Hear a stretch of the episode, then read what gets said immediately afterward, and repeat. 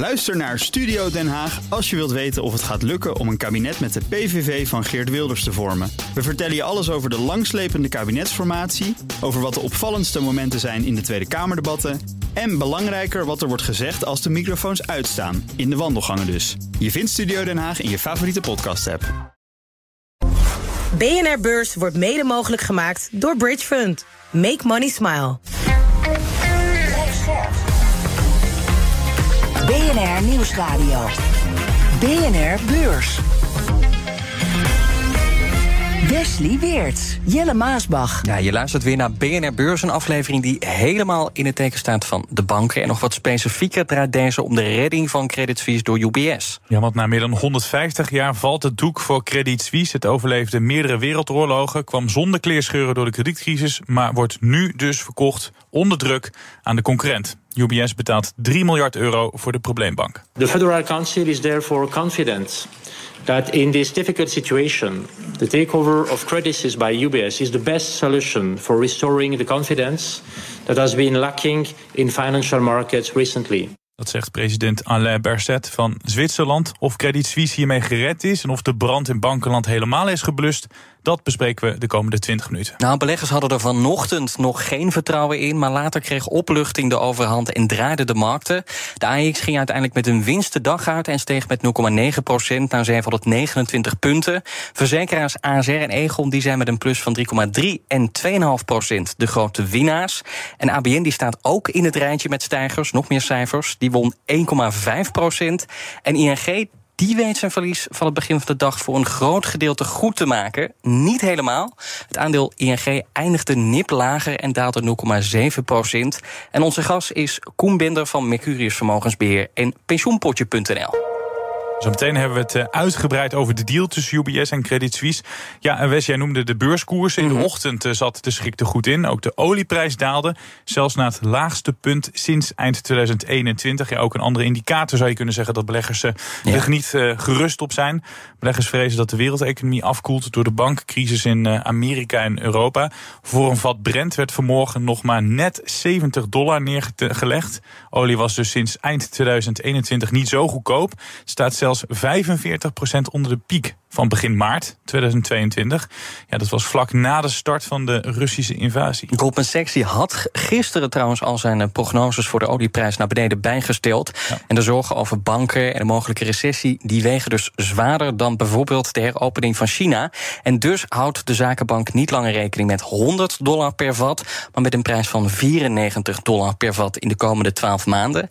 En ik zag nog wat anders, de bitcoin, want die stijgt daarentegen wel door natuurlijk alle onrust in de bankenwereld. En het was zelfs even meer dan 28.000 dollar waard. En dat is de hoogste prijs sinds juni, dus de zomer vorig jaar. Ja, beleggers die zoeken duidelijk naar veilige havens en dus kopen ze goud. Want de prijs schiet voor het eerst in een jaar door de grens van 2000 eh, dollar. En ook superbelegger Warren Buffett, vriend van de show, we hebben het vaak over hem. Mhm. Die maakt zich zorgen over de bankencrisis. Hij sprak de afgelopen dagen namelijk met medewerkers van president Joe Biden. En die gesprekken gingen onder meer over de regionale bankencrisis in Amerika. We do know that Warren Buffett is not only a well-respected investor, but he's been regarded as a savior of ailing banks in the past. is ook wel logisch dat al die ambtenaren uitkomen bij good old Buffett. Want die heeft echt wel een reputatie opgebouwd als redder in nood bij crisissen. Mm zo schoot hij uh, Goldman Sachs in 2008 te hulp... na de ineenstorting van Lehman Brothers in de aanloop naar de kredietcrisis. En ook in 2011 investeerde hij 11 miljard dollar in de noodlijdende Bank of America. Het is ook wel logisch dat ze dan uh, kijken naar, naar Buffett. Dit fragment zorgde jaren geleden voor rust op de financiële markten. The ECB is ready to do whatever it takes to preserve the euro. Maar wie wordt de Mario Draghi van 2023 en brengt dus de rust voor eens en voor altijd terug? Dat was het verhaal van de dag en ja, ook gewoon van het weekend. UBS dat Credit Suisse van de ondergang moet redden. Deze verslaggever die stond even op hoe gek alleen al de onderhandelingen gingen. We do have a deal and when I got on the plane in Dubai this morning this was a billion dollar deal. This afternoon in Prada Plaza it was a 2 billion dollar deal. It's now a 3 billion dollar deal and it has a lifeline 100 billion from the regulators. Ja, dus nog even samengevat. UBS neemt Credit Suisse over voor omgerekend 3 miljard euro. De Zwitserse centrale bank die staat garant. De bruidschat is goed voor zo'n 100 miljard euro. En daardoor ontstaat een van de grootste systeembanken van Europa. En Rolf Hamers, die kennen we van ING, de grote baas van ING vroeger, die wordt nu de baas van dit alles. Koen, buitenlandse media noemen dit een shotgun wedding. Hoe zou jij het noemen in uh, goed Nederlands? Een uh, huwelijk met een, uh, met een pistool uh, doorgeladen tegen je slaap. dat is de vertaling van een shotgun. Ja, dit is een gedwongen huwelijk. Ja, als je anderhalve week geleden aan Hamers had gevraagd... wil je je Credit Suisse overnemen, dan had hij gezegd van no way. En dat was waarschijnlijk ook de eerste reactie. sterker nog, hij heeft een interne memo verstuurd vandaag waarin hij gezegd heeft tegen zijn personeel: jongens, uh, beschouw Credit Suisse nog steeds als uh, je grote concurrent, zoals het al 150 jaar uh, is. Mm -hmm. want de fusie is nog steeds niet officieel. Dit is ook ze. Normaal gesproken, als je gaat fuseren, dan maak je plannen, dan maak je een strategische analyse, et cetera, et cetera. Dat ontbreekt nu allemaal. Het is een soort van verliefdheid dan, maar nu is het echt gewoon. Nee, er zit geen ja, liefde tussen die twee. Nee, sterker nog, dit is, dit is een moedje. Dit is echt een moedje. Want uh, uh, en, en ze zijn er ook helemaal ergens is het ook helemaal niet logisch. Ze zijn allebei groot in wealth management. Ze hebben allemaal, allebei een internationaal uh, uh, netwerk. Paradeplats, daar hebben ze de kantoren naast elkaar. Maar door heel Zwitserland hebben ze de kantoren naast elkaar. hier zit zoveel overlap in. En dat waar Credit Suisse eigenlijk natuurlijk nu mm. het het slechte jongetje van de klas is. In de vorige crisis, 2008, was UBS dat. Toen moest UBS een, een uh, lening aanvragen om uh, de winter door te komen. Nu is het, uh, is het Credit Suisse waar het ene probleem zich op het andere heeft gestapeld. Net zolang tot ze door hun hoeven gingen. Maar dat gaat niet werken als ik jou zo hoor. Nou ja, dit, dit huwelijk. Nou, ik, ik, ik denk dat ze er aan gelegen zijn. En dat, ja, dat, dat was mijn analyse van dit weekend, voordat de, de deal uiteindelijk uh, beklonken werd. UBS is de enige binnen Zwitserland die dit kan. Ja, en uh, het is een Zwitserse aangelegenheid. Het gaat om uh, niet Credit Suisse, maar Credibility Suisse. De hele uh, het, het, GDP van, van uh, Zwitserland op wat repen chocola na uh, gaat om banking. Ja? En in dit geval kon het dus niet anders dan dat het gered ging worden. Niet door Deutsche Bank, niet door Goldman Sachs of, of JP Morgan. Nee, want dan ga je de grenzen over en dan kom je met internationaal recht krijg je dan te maken. Dat is veel moeilijker. Dus dit kon een Zwitserse aangelegenheid zijn en dus was UBS de enige die dit kon. En moesten ze wel. En dus moest Hamers ook. Wat vind je uiteindelijk van de prijs die betaald is? Want het is drie keer hoger dan het eerste bod. Eén nou, Zwitserse frank was nog te veel geweest. ja, echt? ja, nou ja, weet je, dit, als je een bank moet redden, omdat je niet weet welke risico's erin zitten, waar het geld met de, de, de, de vaart van een TGV uitgaat, ja, dan, dan, dan weet je niet wat je koopt. En als je niet weet wat je koopt, is elke prijs te veel. Mm ja, en, en, vandaar dat ik uh, ja, eigenlijk het voorbeeld van wat, wat, wat ING en de Nederlandse bankensector, waar Hamers natuurlijk volledig in heeft gezeten in 2008, wat er toen is gedaan, toen zijn er ook onderdelen bij elkaar ondergebracht. Ook een soort van gedwongen. Maar er zijn ook bad banks gecreëerd. En wat je hier had kunnen doen, is een bad bank creëren. Uh, heel even de tijd nemen om alle buitenlandse takken eraf te knippen mhm. en alleen een Zwitserse kern over te laten. Maar ja, weet je, dit is allemaal uh, water under the bridge. Uh, dus het maakt niet meer uit. Nee, dus wat krijgt UBS nou behalve allerlei lijken in de kast? Wat kopen ze? Nou ja, ze kopen een totaal andere toekomst dan ze anderhalve week geleden gedacht hadden. Want anderhalve week geleden waren ze nog op hun eigen strategische plan. Een, een conservatieve bank die rustig aan het groeien is. Hun voornaamste concurrent was in de problemen. Dat gaf ze een, eh, een, een, een kans. Uh, een voordeel. Een voordeel. En nu, nu hebben ze opeens die concurrenten in huis? Moeten ze uh, een, een, een saneringsplan uh, uh, gaan maken? Ze moeten gaan nadenken over welke mensen willen we houden, welke niet. Er zit een verrotte cultuur in Credit Suisse. getuigen alleen maar dat dit weekend wel nog de bonussen zijn uitgekeerd. Hoe kom je erbij? en, dan, en dat soort banken. En die mensen moet je opnieuw gaan opleiden binnen je eigen cultuur, je eigen DNA gaan meegeven.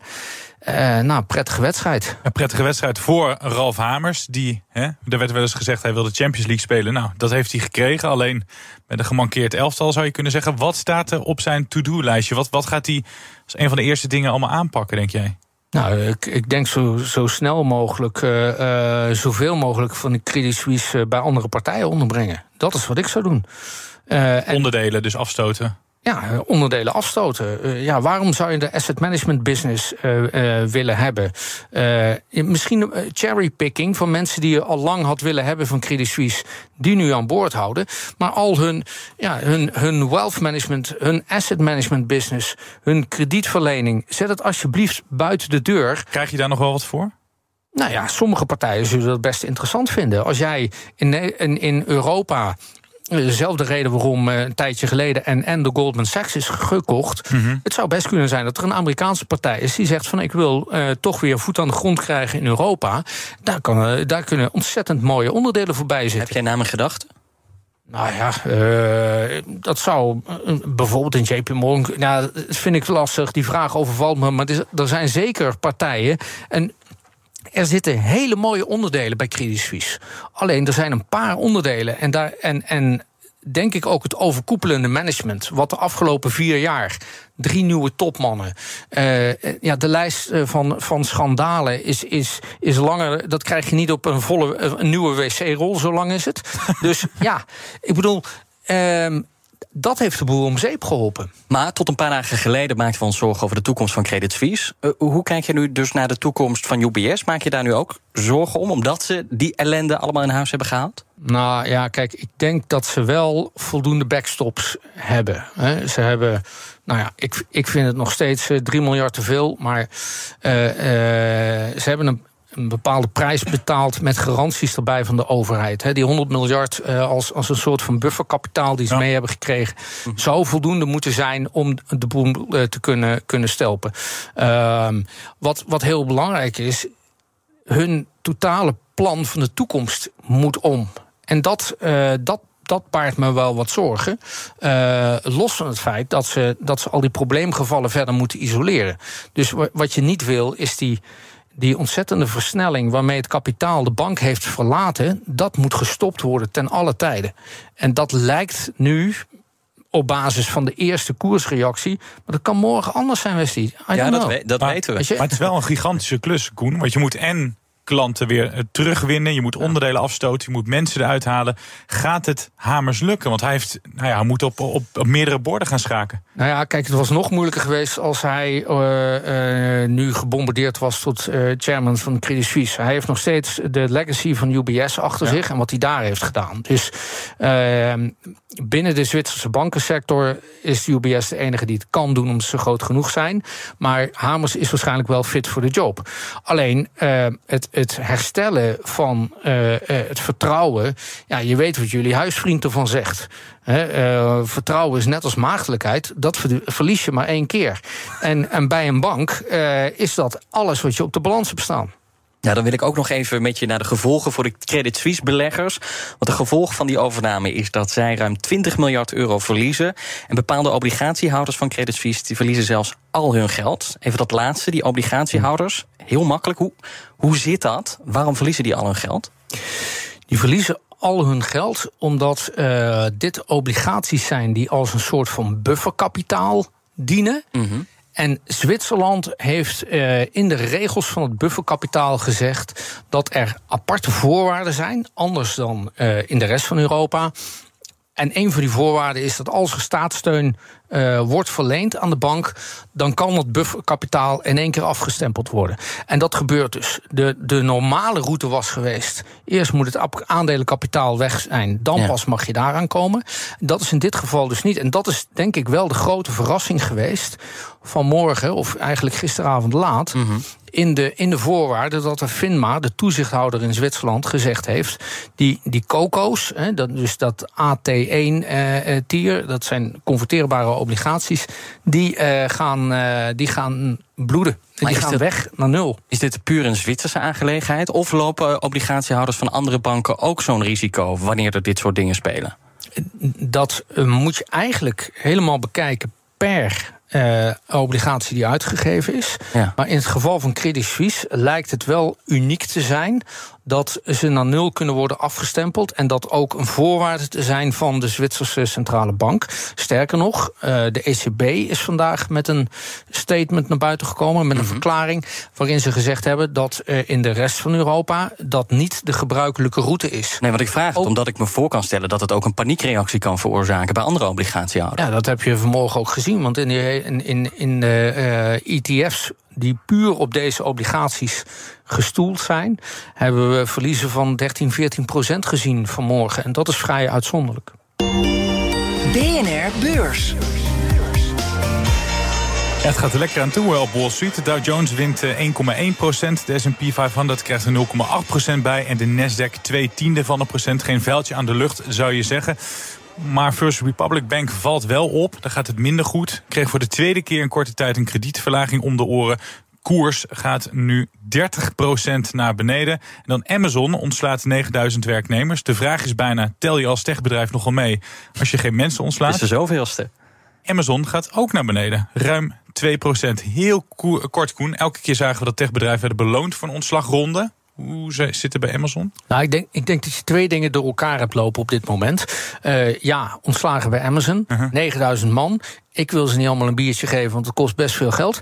Maar uh, op het totaal aan werknemers van Amazon, anderhalf miljoen mensen in dienst, uh, is 9000 man is natuurlijk eigenlijk heel weinig. Ze hebben al 18.000 man ontslagen. Dit gaat vooral om hoofdkantoorfuncties, waar ze het nu over hebben.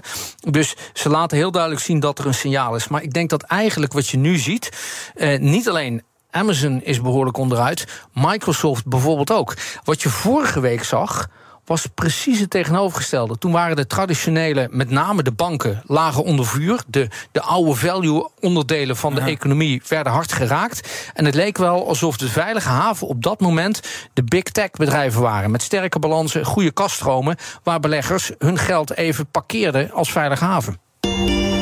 BNR Beurs. Terug naar UBS en Credit Suisse. Want volgens de Zwitserse minister van Financiën was de redding niet alleen nodig voor Zwitserland, maar voor heel Europa. Switzerland had to take the responsibilities beyond its own borders. These efforts have paid off. The Federal Council is convinced that UBS takeover of Credit Suisse has laid the foundations for greater stability both in Switzerland and internationally. Koen heeft ze gelijk. Is dit voldoende ook om het vertrouwen in de bankensector terug te winnen? Er missen twee woorden aan uh, de, uh, het knipje wat je gemaakt hebt. De, niet dat ze die gezegd heeft, maar die had ze moeten zeggen. En welke woorden zijn dat? On the short run. Ja, want eh, er is nu stabiliteit on the short run. Maar je hebt een, een, een bank gecreëerd die eigenlijk groter is dan Zwitserland zelf. En, en dat kan beyond control gaan. En uh, ja, is er nu stabiliteit? Ja, er is nu stabiliteit. Maar ik denk wel dat de lessen die we uh, op de kop af, 15 jaar na de grote uh, financiële crisis van Lehman en, en consorten, toen de banken overigens in veel slechtere staat waren, maar nu moeten leren, is dat het dus nog steeds kan gebeuren. Niet alleen bij de kleinere regionale banken, maar ook dus bij een grote bank als een, als een Credit Suisse. En uh, ja, dit geeft mij ook wel. Kijk, mijn mening als belegger over beleggen in banken uh, heb ik de afgelopen jaren niet onder stoelen of banken gestoken. Ik denk dat je niet als aandeelhouder iets te zoeken hebt bij een bank. Uh, en ik denk dat we de afgelopen weken dat weer uh, gezien hebben.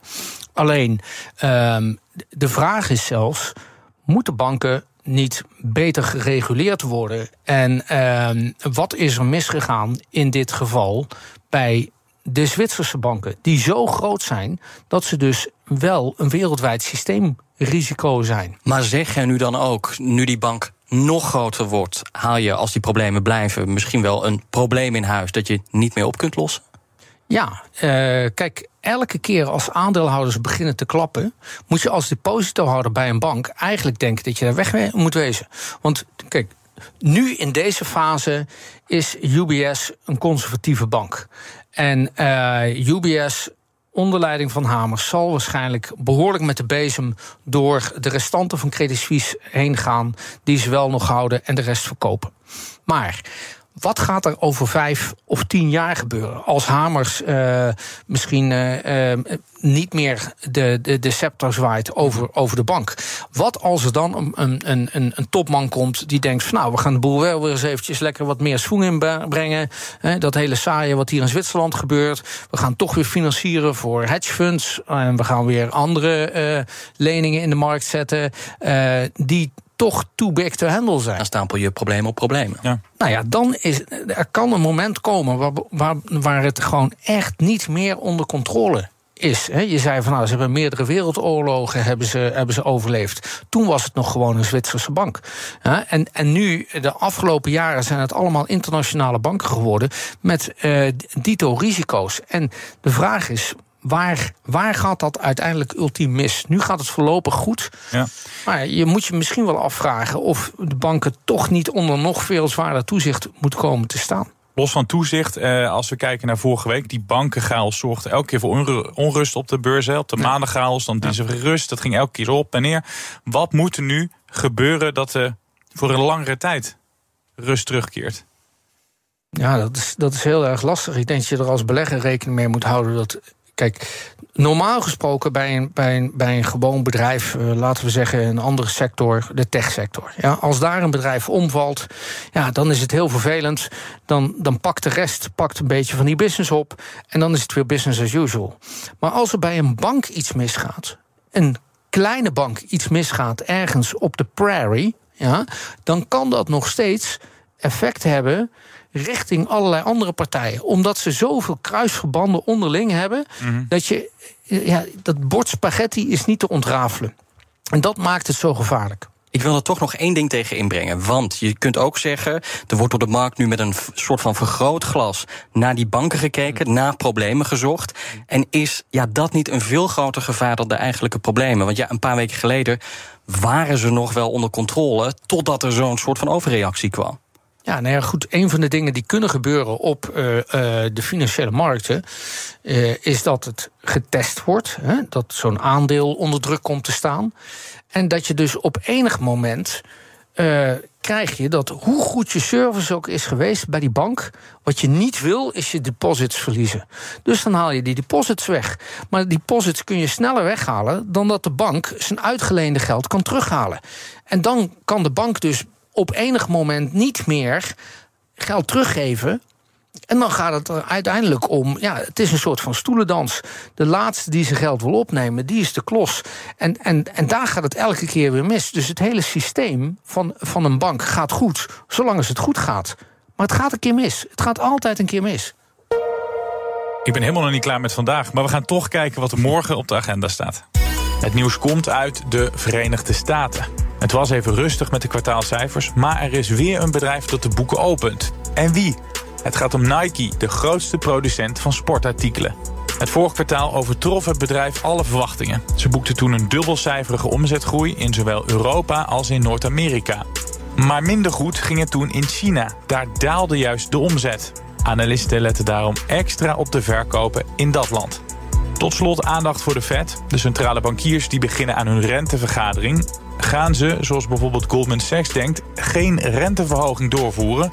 Of trekken ze bij de Amerikaanse centrale bank zich helemaal niks aan van de verwachting van de analisten? We horen het woensdag. Ja, ik vind het ook wel jammer dat dit het einde is van de aflevering. Maar dit is hem echt. Dankjewel, Koen Bender van Mercurius Vermogensbeheer en Pensioenpotje.nl. Ja, we sluiten elke aflevering wel nog af met een tip. En die komt uit dat boek van Corné van Zel met die tegeltjeswijsheden. En deze keer een tip van het kaliber, kaliber uh, het kan vriezen, het kan dooien. Contrair beleggen werkt, maar kan ook heel dom zijn. ja, oké. Okay. Tot morgen. Tot morgen. BNR Beurs wordt mede mogelijk gemaakt door Bridge Fund. Make money smile.